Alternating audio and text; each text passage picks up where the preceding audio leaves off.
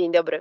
Nazywam się Marta Górna, a to jest kolejny odcinek podcastu naszego Bociana. Podcastu, w którym rozmawiamy o niepłodności, o adopcji, o rodzicielstwie zastępczym i który realizujemy we współpracy z firmą Merck. Mm, do dzisiejszej rozmowy zaprosiłam Kingę, e, mamę Mileny i Amelki, mamę, która bardzo długo czekała na swoje dzieci e, i w końcu mamę, której dzieci e, przyszły do rodziny różnymi drogami. I o tym właśnie porozmawiam Ci z Kingą, o tym skąd się biorą dzieci. Cześć Kinga. Cześć Marta, witam Państwa. E, Kinga, e, zacznijmy od takiego pytania mm, dużego kalibru. E, powiedz, jak długo czekałaś na słowo mama? 23 lata. Ja znam tą historię od lat, a mimo wszystko za każdym razem, kiedy słyszę te 23 lata, to coś po prostu wybucha we mnie w środku, bo to, bo to niewiarygodne. Kiedy zorientowaliście się, że coś coś może być nie w porządku.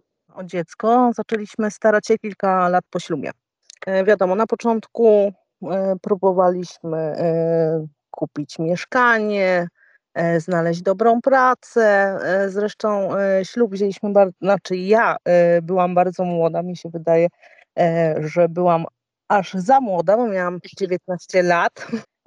Także na samym początku nie myśleliśmy o dzieciach po kilku latach e, urodziła się taka właśnie myśl, że to już ten czas, że już moglibyśmy mieć jakiegoś małego bobo, no ale niestety nie udawało się.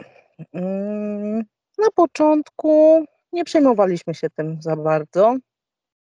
Tak jak większość pewnie słyszała e, dużo, a odpuśćcie sobie za rok, za miesiąc, następnym razem się uda. No i tak trwało to dobrych kilka lat po tych kilku latach obudził się we mnie taki instynkt macierzyński i chciałam już teraz, e, bo koleżanki miały dzieci, bo w rodzinie rodziły się kolejne dzieci, e, więc e, poszłam do lekarza, zrobiłam szereg badań, ale to było 23 lata temu, więc troszeczkę inaczej wyglądało leczenie niepłodności.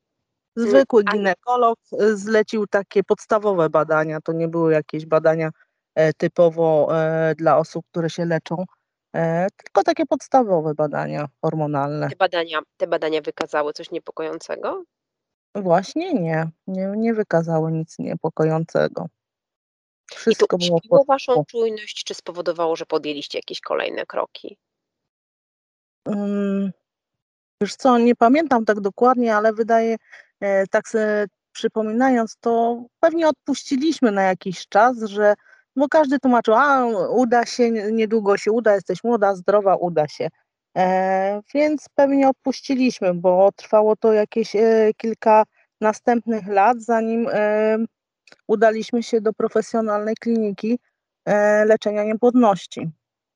E, I tam już pewnie zaproponowano Wam e, no, profesjonalny zestaw badań, które miały wykazać, co właściwie się dzieje.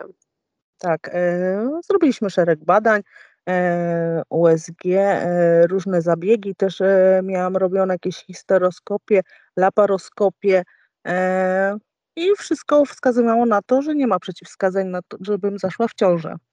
Wyniki mojego męża też były dobre ale mimo to się nie udawało, więc podjęliśmy decyzję, że mm, zaczniemy procedurę in vitro. E, mieliśmy takie cztery pełne e, procedury in vitro, było dziewięć transferów, żaden transfer się nie powiódł. Nie było ciąży z tego. To był taki czas, kiedy uznaliście, że, że już dalej nie macie siły, czy jeszcze próbowaliście czegoś innego? Nie, Marta, my próbowaliśmy wszystkiego, co możliwe. Na samym końcu tego leczenia e, zdecydowałam się już na taki desperacki krok. E, leczenie immunosupresyjne to jest bardzo wyczerpujące leczenie i kiedy nie mogłam poznać siebie w lustrze, przytyłam 30 kilo, nie miałam siły wstać z łóżka, wymiotowałam po lekach, twierdziłam, że to już jest koniec, że ja więcej nie dam rady, ani psychicznie, ani fizycznie. I pojawiła się myśl o adopcji? E, ta myśl o adopcji e, kiełkowała już dość e, dawno, wcześniej, tylko ustaliliśmy, rozmawia, rozmawialiśmy z mężem, że chcemy spróbować wszystkiego, czyli taką chcieliśmy, przebyć taką drogę jakby po schodach, czyli każdy stopień, przejść. Wiedzieliśmy, że medycyna może nam ułatw no, czy może nam pomóc w tym, żeby zajść w ciążę, więc chcieliśmy spróbować wszystkiego. E, byliście obydwoje w tym samym momencie gotowi na to, żeby zacząć proces adopcyjny, czy któryś z was musiał poczekać na tą drugą połówkę?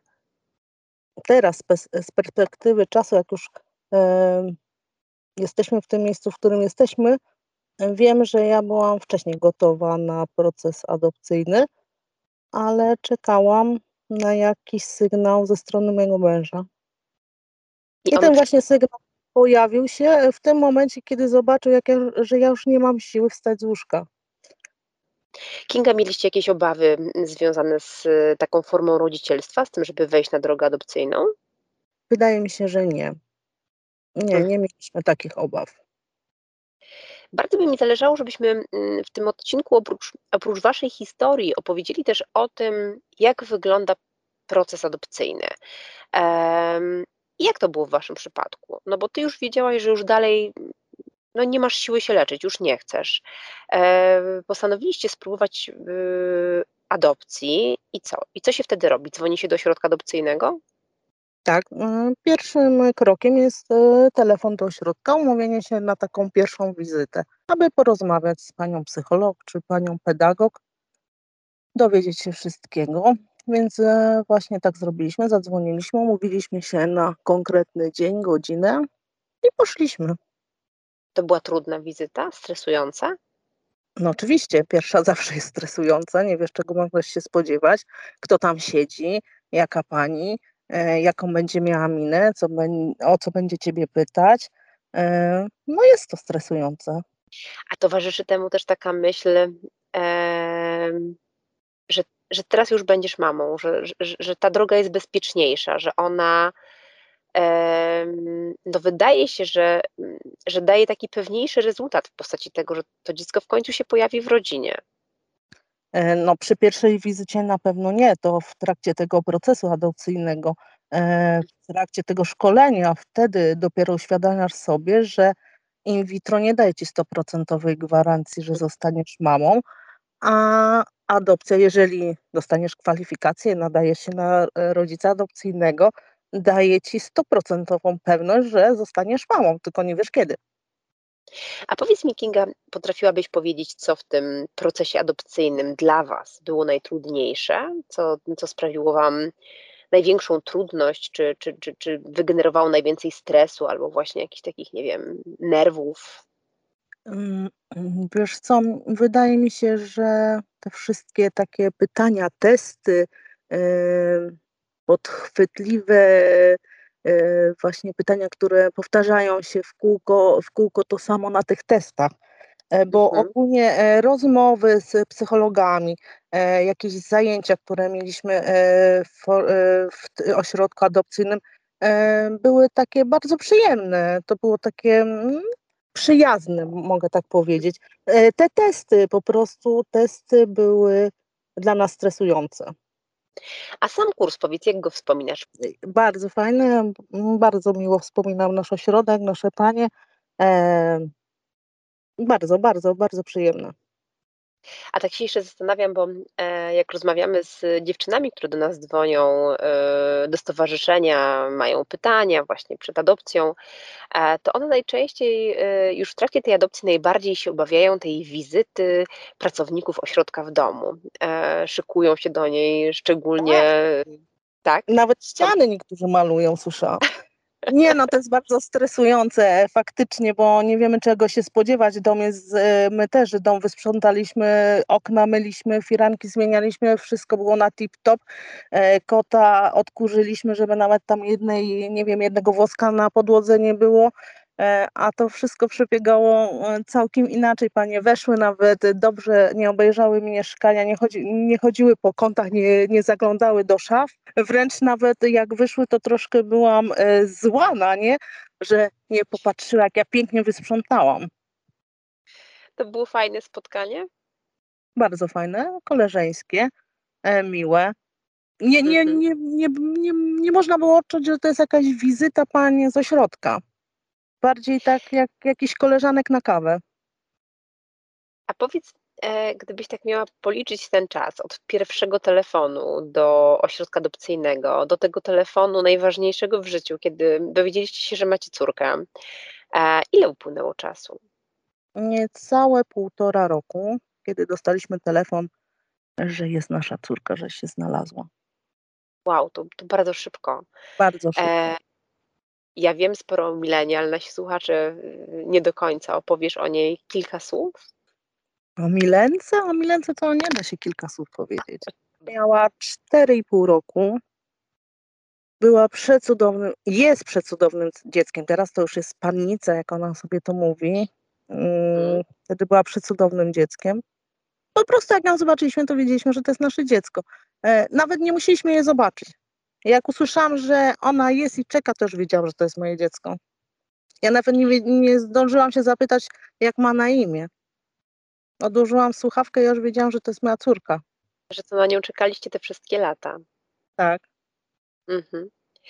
E, Kinga, powiedz mi, jak, jak wyglądały te pierwsze spotkania e, z Mileną? E, No bo to nie jest dla dziecka łatwy czas. On jest niełatwy dla rodziców, ale, ale przede wszystkim jest trudny dla dziecka, które, dla którego no to jest rewolucja mm, przeogromna. Y, Tylko wiesz, Marta, ona już miała 4,5 roku i Mhm. ona była świadoma, po co my przyjechaliśmy do niej. Ona wiedziała, po co my przyjechaliśmy. Ona się nas wstydziła, ale ona wiedziała, po co my przyjechaliśmy. Ona e, po prostu chciała sobą nas kupić. E, popisywała się, e, była jak skowronek, biegała, e, pokazywała wszystko, co ona umie, e, jakie najfajniejsze rzeczy, e, tańce, śpiewy, wszystko. Ona po prostu e, się tak jakby nam z najlepszej strony chciała pokazać, Mhm. bo ona wiedziała, po co my, e, po co my tutaj do niej przyjeżdżamy. Kinga, jak wyglądał ten proces przechodzenia e, Mileny z rodziny zastępczej do rodziny adopcyjnej? E, No bo przecież to się nie odbywa tak, że przyjeżdżacie, poznajecie się i zabieracie dziecko do domu z jedną walizką. Em, Tak, w, tak, w każdym razie to się nie powinno odbywać. Jak to wyglądało u Was? My jeździliśmy do Mileny e, całkiem niedługo, e, znając historię innych e, par, stwierdzam, że to było bardzo krótko, bo to ona nas adoptowała, nie my ją. Ona podjęła wszystkie decyzje, tak jakby za nas. Ona pokazała nam, kiedy mamy ją zabrać do domu, kiedy jest gotowa. Nie my, nie e, rodzina zastępcza, tylko ona. Ona rozdawała karty. E, Jak długo po tym, jak się poznaliście, zobaczyliście pierwszy raz, mm, Milena z Wami zamieszkała już na stałe? E, Milena zamieszkała z nami na stałe. Poczekaj, żebym tutaj. Około dwóch miesięcy, bo mi- e, miesiąc z kawałkiem jeździliśmy do niej. e, Później dostaliśmy e, urlopowanie, więc e, miesiąc z kawałkiem była już u nas. I potem już było tylko cudownie i różowo? O nie, nie, nie. E, To wygląda tak, że u dziecka to jest tak jakby miesiąc miodowy. E, Wszystko jest pięknie, bo przyszła do nowego domu, rodzice nad nią skaczą, e, spełniają jej wszystkie zachcianki, e, nie ma nakazów, zakazów, są same fajne rzeczy. A później po czasie zaczyna się e, normalne ży życie, więc jest jakiś zakaz, nakaz, czegoś nie wolno i wtedy się zaczynają schody. Ale byliście na nie przygotowani, wiedzieliście, że tak będzie. Wiedzieliśmy, oczywiście byliśmy przygotowani, dlatego jest e, kurs e, dla rodziców adopcyjnych. E, są takie sytuacje przedstawiane na tym kursie, więc wiedzieliśmy na tylko wiesz, kurs i teoria to jest troszeczkę inaczej niż praktyka. Mimo, że wiesz, co robić, to serce troszeczkę inaczej się zachowuje, tak? No tak, no ale trzeba przez to przejść i trzeba przeprowadzić przez to dziecko. I rozumiem, że to jest ta wiedza niezwykle ważna, którą między innymi tą właśnie wiedzę nabywa się podczas kursu.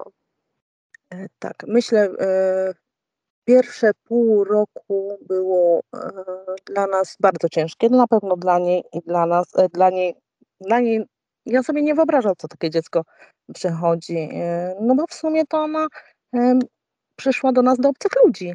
Co z tego, że ona wiedziała? Ona wiedziała. Ona znała słowo mama, tato, ale ona chyba nie wiedziała, co znaczy mama, co znaczy tata, co znaczy e, dom, tylko jej, e, jej dom, tak?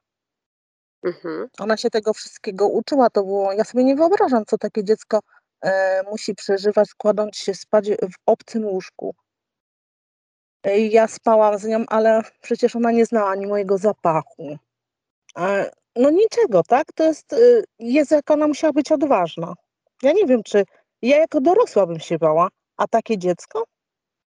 Ile czasu upłynęło mm, do takiego momentu, kiedy, kiedy już wiedziałaś, że ona, że ona czuje się dobrze, że ona czuje się bezpiecznie, że ona ma taką pewność, że jest tu na zawsze, na wieki i, yy, i że wy po prostu jesteście rodziną? Marta, e, nie wiem, czy ona e, kiedykolwiek będzie na 100% pewna tego.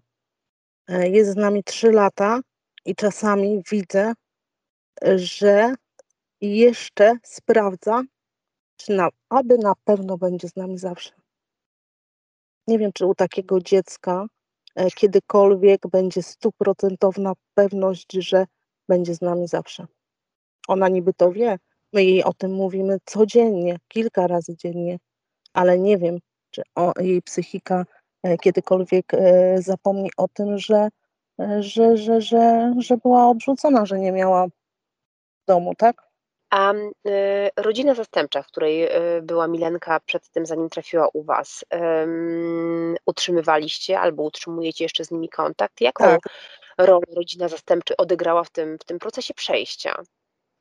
Miała cudowną rodzinę zastępczą. E, ciocie, e, mówi na nią ciocia do, do dnia dzisiejszego, nigdy nie mówiła do cioci mamo, ale to była jej mama. Ona ją traktowała jak mamę tylko mówiła do niej ciociu.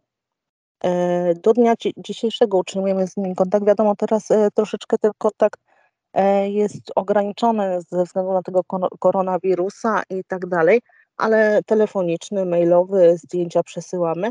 Ona cały czas miło wspomina ciocię, mm, chociaż pierwsze okresy były dla mnie trudne, bo widziałam jak tęskni za tą ciocią i wydaje mi się, że E, że ja byłam zazdrosna o tą ciocię. Mhm. E, mnie się tak wydaje, że ja po prostu chciałam być jej mamą te, taką najważniejszą od początku, a to wszystko trwało. A powiedz, czy dzisiaj z, już z perspektywy czasu e, dostrzegasz te plusy tego, że, że Milena wytworzyła więź z ciocią, z rodziną Oczywiście. zastępczą? Oczywiście, to jest najważniejsze.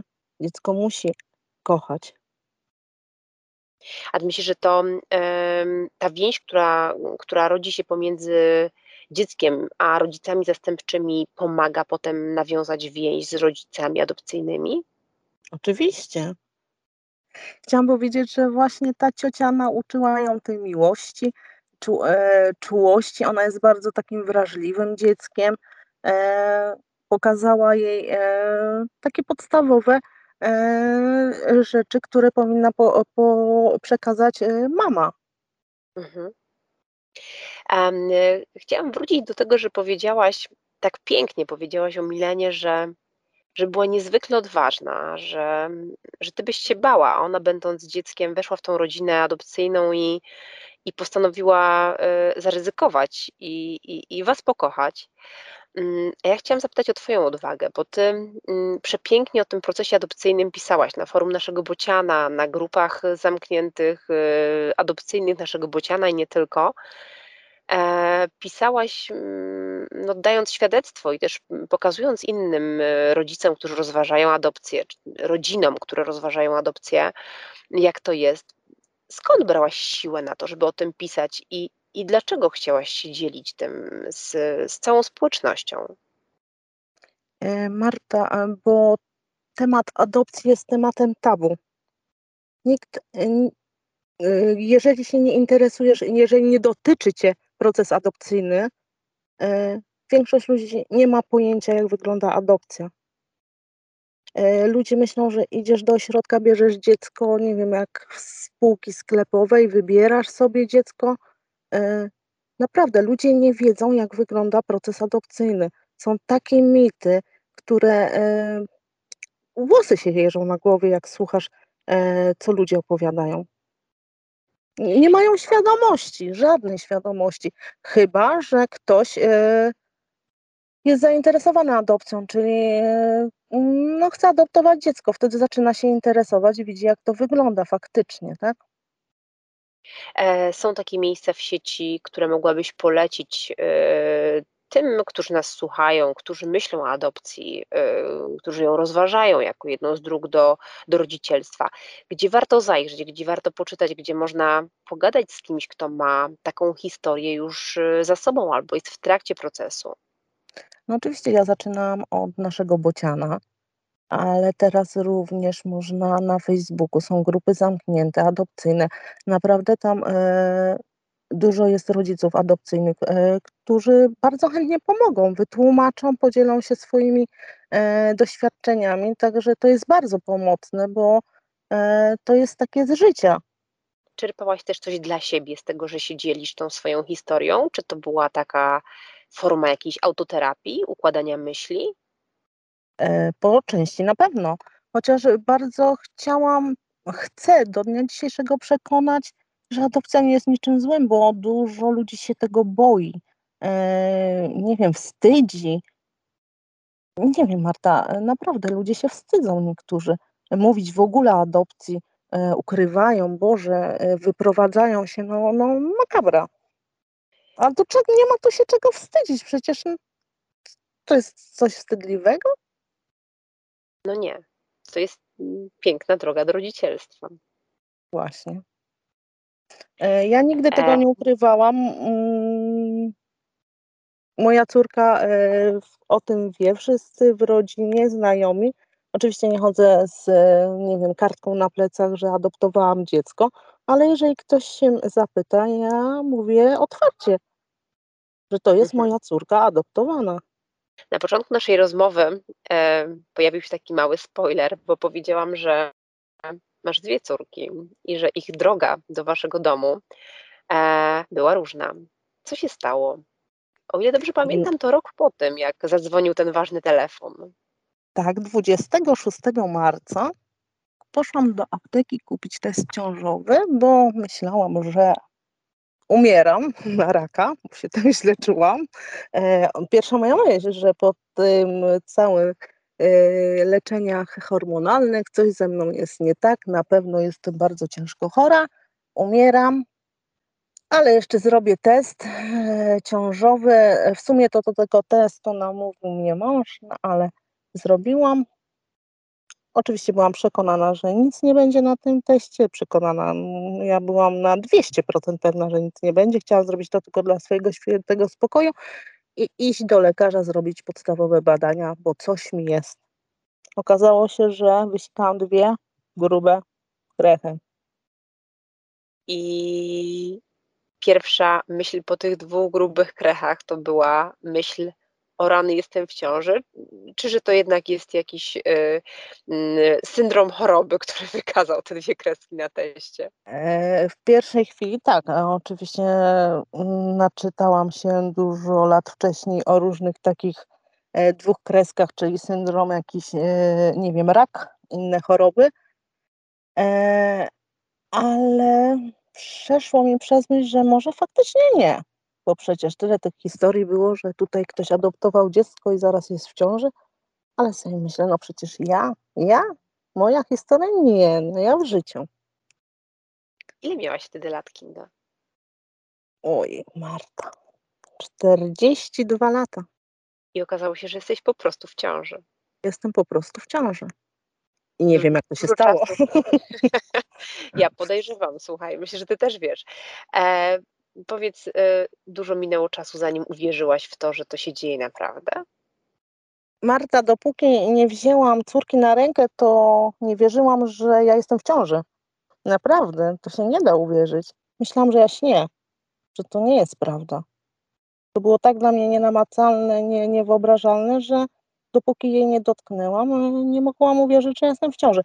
Zresztą, wiesz, cała ciąża była dla mnie takim. Ja cały czas się. y, Nie było dnia, którym się. E, żebym się nie bała, że jutro już tej ciąży nie będzie.